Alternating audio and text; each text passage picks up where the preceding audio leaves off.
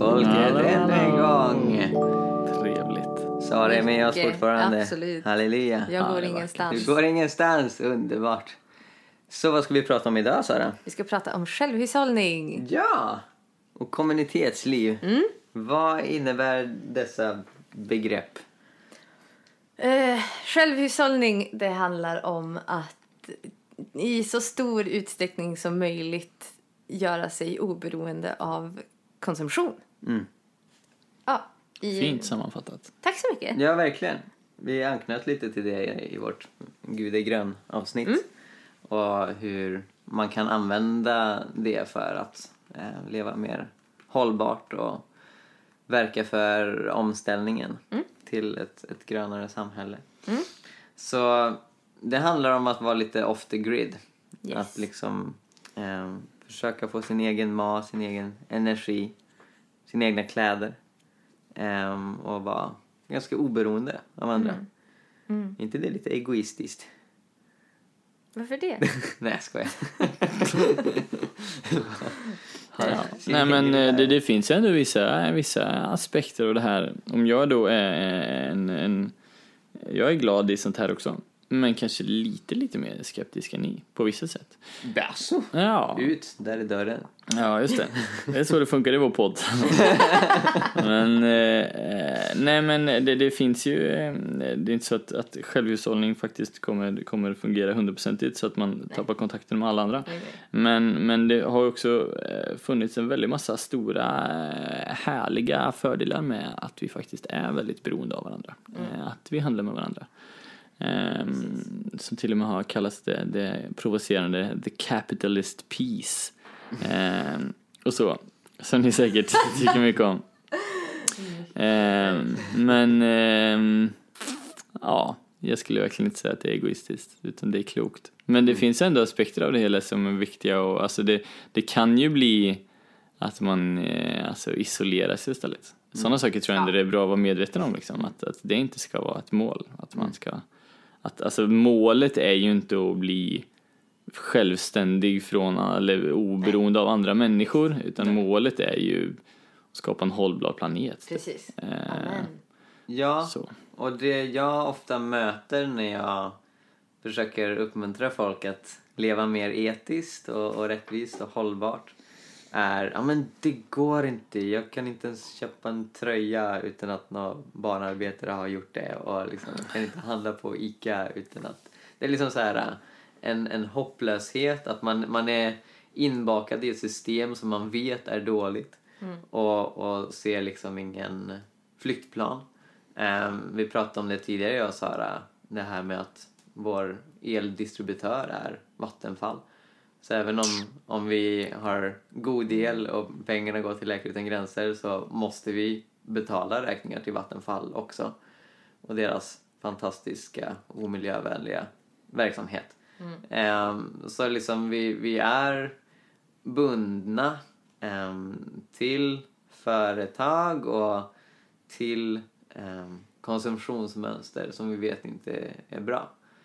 Och då skulle det bara vara fantastiskt att på ett mycket eh, större sätt än hur vi lever nu eh, kunna vara oberoende eh, och visa på att, att det går att leva ett mycket bättre liv som är bättre för andra människor än det vi lever nu.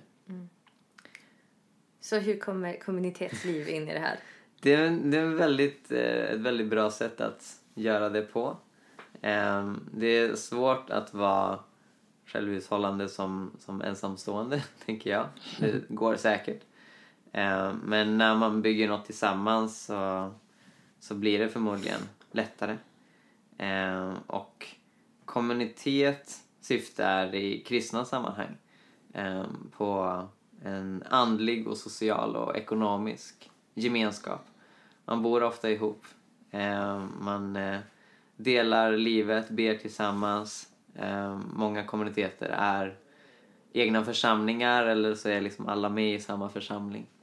Eh, och så har man varierande grader av egendomsgemenskap eh, med inspiration från den tidiga kyrkan. Och några ganska tydliga exempel på detta är ju kloster som ju lever på det sättet. Och många kloster genom historien har varit självhushållande och kunnat odla sin egen mat där bröderna eller systrar pockar i jorden. Eh, så. Eh, men det finns andra former av kommuniteter eh, och, och det har blivit mer och mer populärt inom de protestantiska kyrkorna. Eh, så både i USA och Europa har det varit lite av en, av en eh, trend de senaste decennierna att eh, utforska en sån här livsstil. Eh, egentligen sen Jesusrörelsen kom på 70-talet med Jesusfolket, halleluja. Och sen så har ju detta varit alltså, normativt leverne, ofta liksom i en utökad storfamilj i majoritetsvärlden, alltså Afrika, Asien, Latinamerika, så kristna där har levt så liksom per automatik, för det är så man lever. Ehm, men det, det är väl det som vi menar med kommunitetsliv. Jag vet inte om jag kan få till en lika check och koncis definition. Men jag skulle, jag skulle säga eh, andlig, social och ekonomisk gemenskap. Precis. Men sen så tror jag också att man får inte romantisera självhushållning. ehm, utan det, det är ju någonting som tar otroligt mycket tid. Eh, det, det tar jättemycket tid att odla saker och det är ja, otroligt resurs och energikrävande. Alltså just från, alltså om man, om man vill göra det ekologiskt utan att använda massa konstgödsel och massa traktorer och sånt där så tar det jättemycket tid. Och där tror jag att en kommunitet är ett fantastiskt sammanhang som, man, som man faktiskt har möjlighet att vara självhushållande i för att man är många fler människor än om man hade varit en familj endast. Ja, exakt. Och det finns exempel på kommunitetsrörelsen eller kommunitetsrörelser här i Europa som till exempel Broderhof och Hutteriterna ehm, som lever på det sättet. De har fullständig egendomsgemenskap. Ehm, hundratals människor som, som har allt gemensamt. Och de finns ofta ute på landet ehm, för att eh, i största möjligaste mån kunna vara självhushållande. Ja. Och, och Jesus Army som jag är väldigt inspirerad av. Ehm, har inte fullständig självhushållning. De strävar efter det mycket på 70 och 80-talet och har fortfarande en, en hel del som de gör själva ehm, och, och producerar själva. Och vi kommer komma tillbaka till det lite grann. Men Sara, kan inte du beskriva hur eh, du började få de här tankarna om, om självhushållning och vad som väckte ditt intresse? Alltså, från början för mig så var det nog en, en önskan att bli fri från konsumtionssamhället.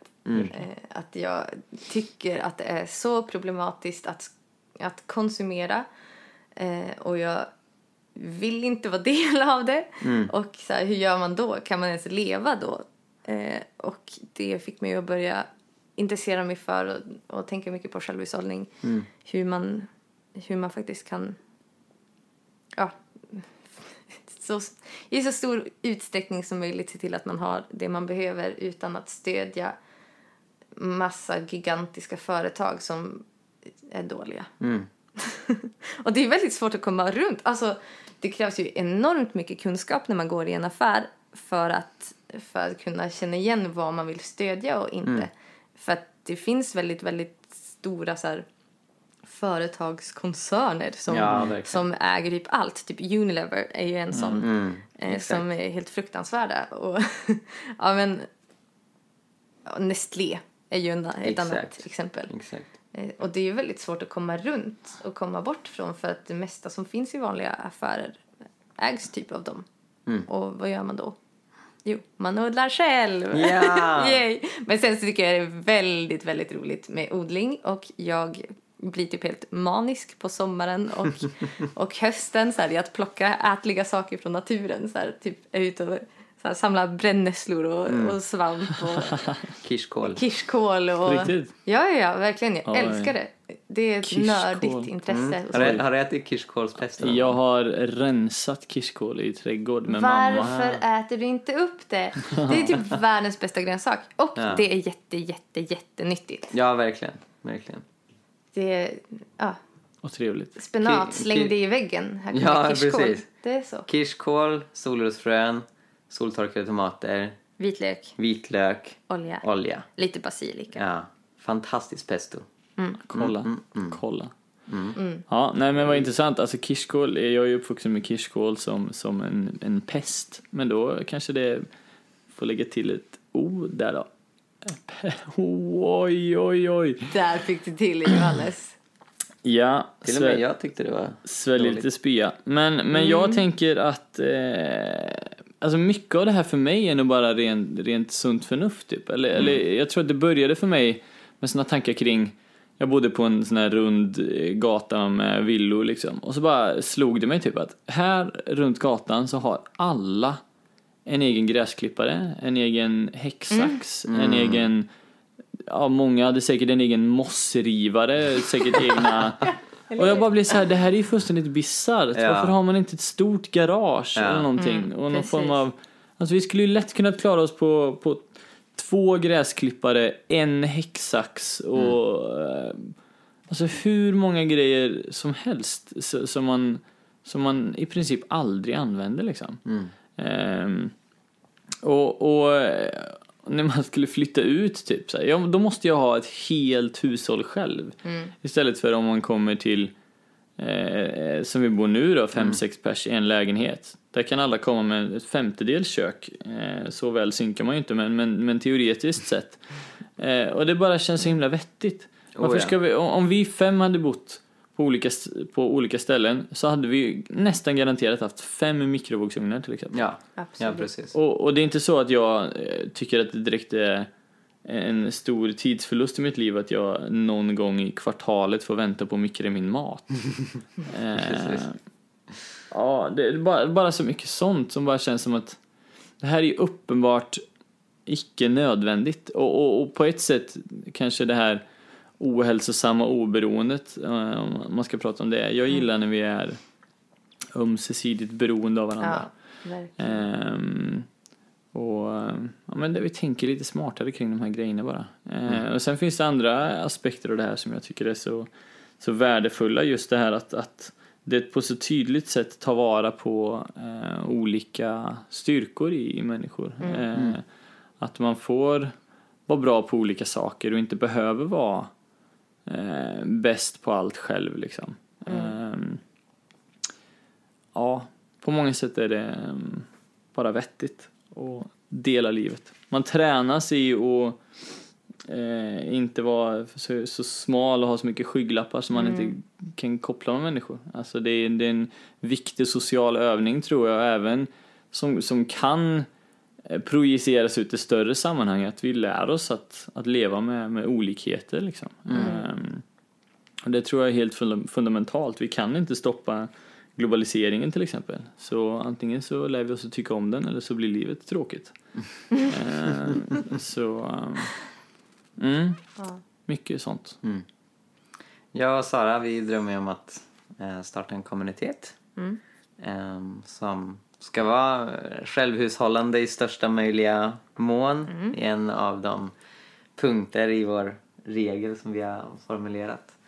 Eh, och som vi har sagt också att vi ska eh, den principen ska vi leva efter själva även när vi liksom lever på olika eh, håll och kanter. Ehm, och det ser jag så otroligt mycket fram emot. Också för att det vi tänker oss är att det mm, ska vara en, en kommunitet med egendomsgemenskap där fattiga och utsatta människor är kärnmedlemmar. ehm, där vi får hjälpa människor som har det svårt. Och att man då ehm, med den odling som vi vill ha och med liksom den egna produktion som vi vill eh, ägna oss åt kan, kan också liksom arbetsträna människor som behöver det. Verkligen.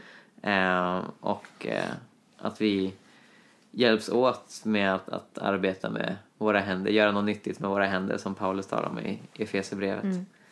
Eh, så det ska bli spännande Sara. Verkligen. Ja. och eh, vi inspireras ju av, av den första församlingen i Jerusalem. Ehm, Lukas som har skrivit Apostlagärningarna säger så här om den. Alla troende var tillsammans, hade allting gemensamt. De sålde sina egendomar och allt vad de ägde och delade ut till alla efter vad var den behövde. Och senare i kapitel 4 i Apostlagärningarna så skriver han att ingen av dem led någon nöd.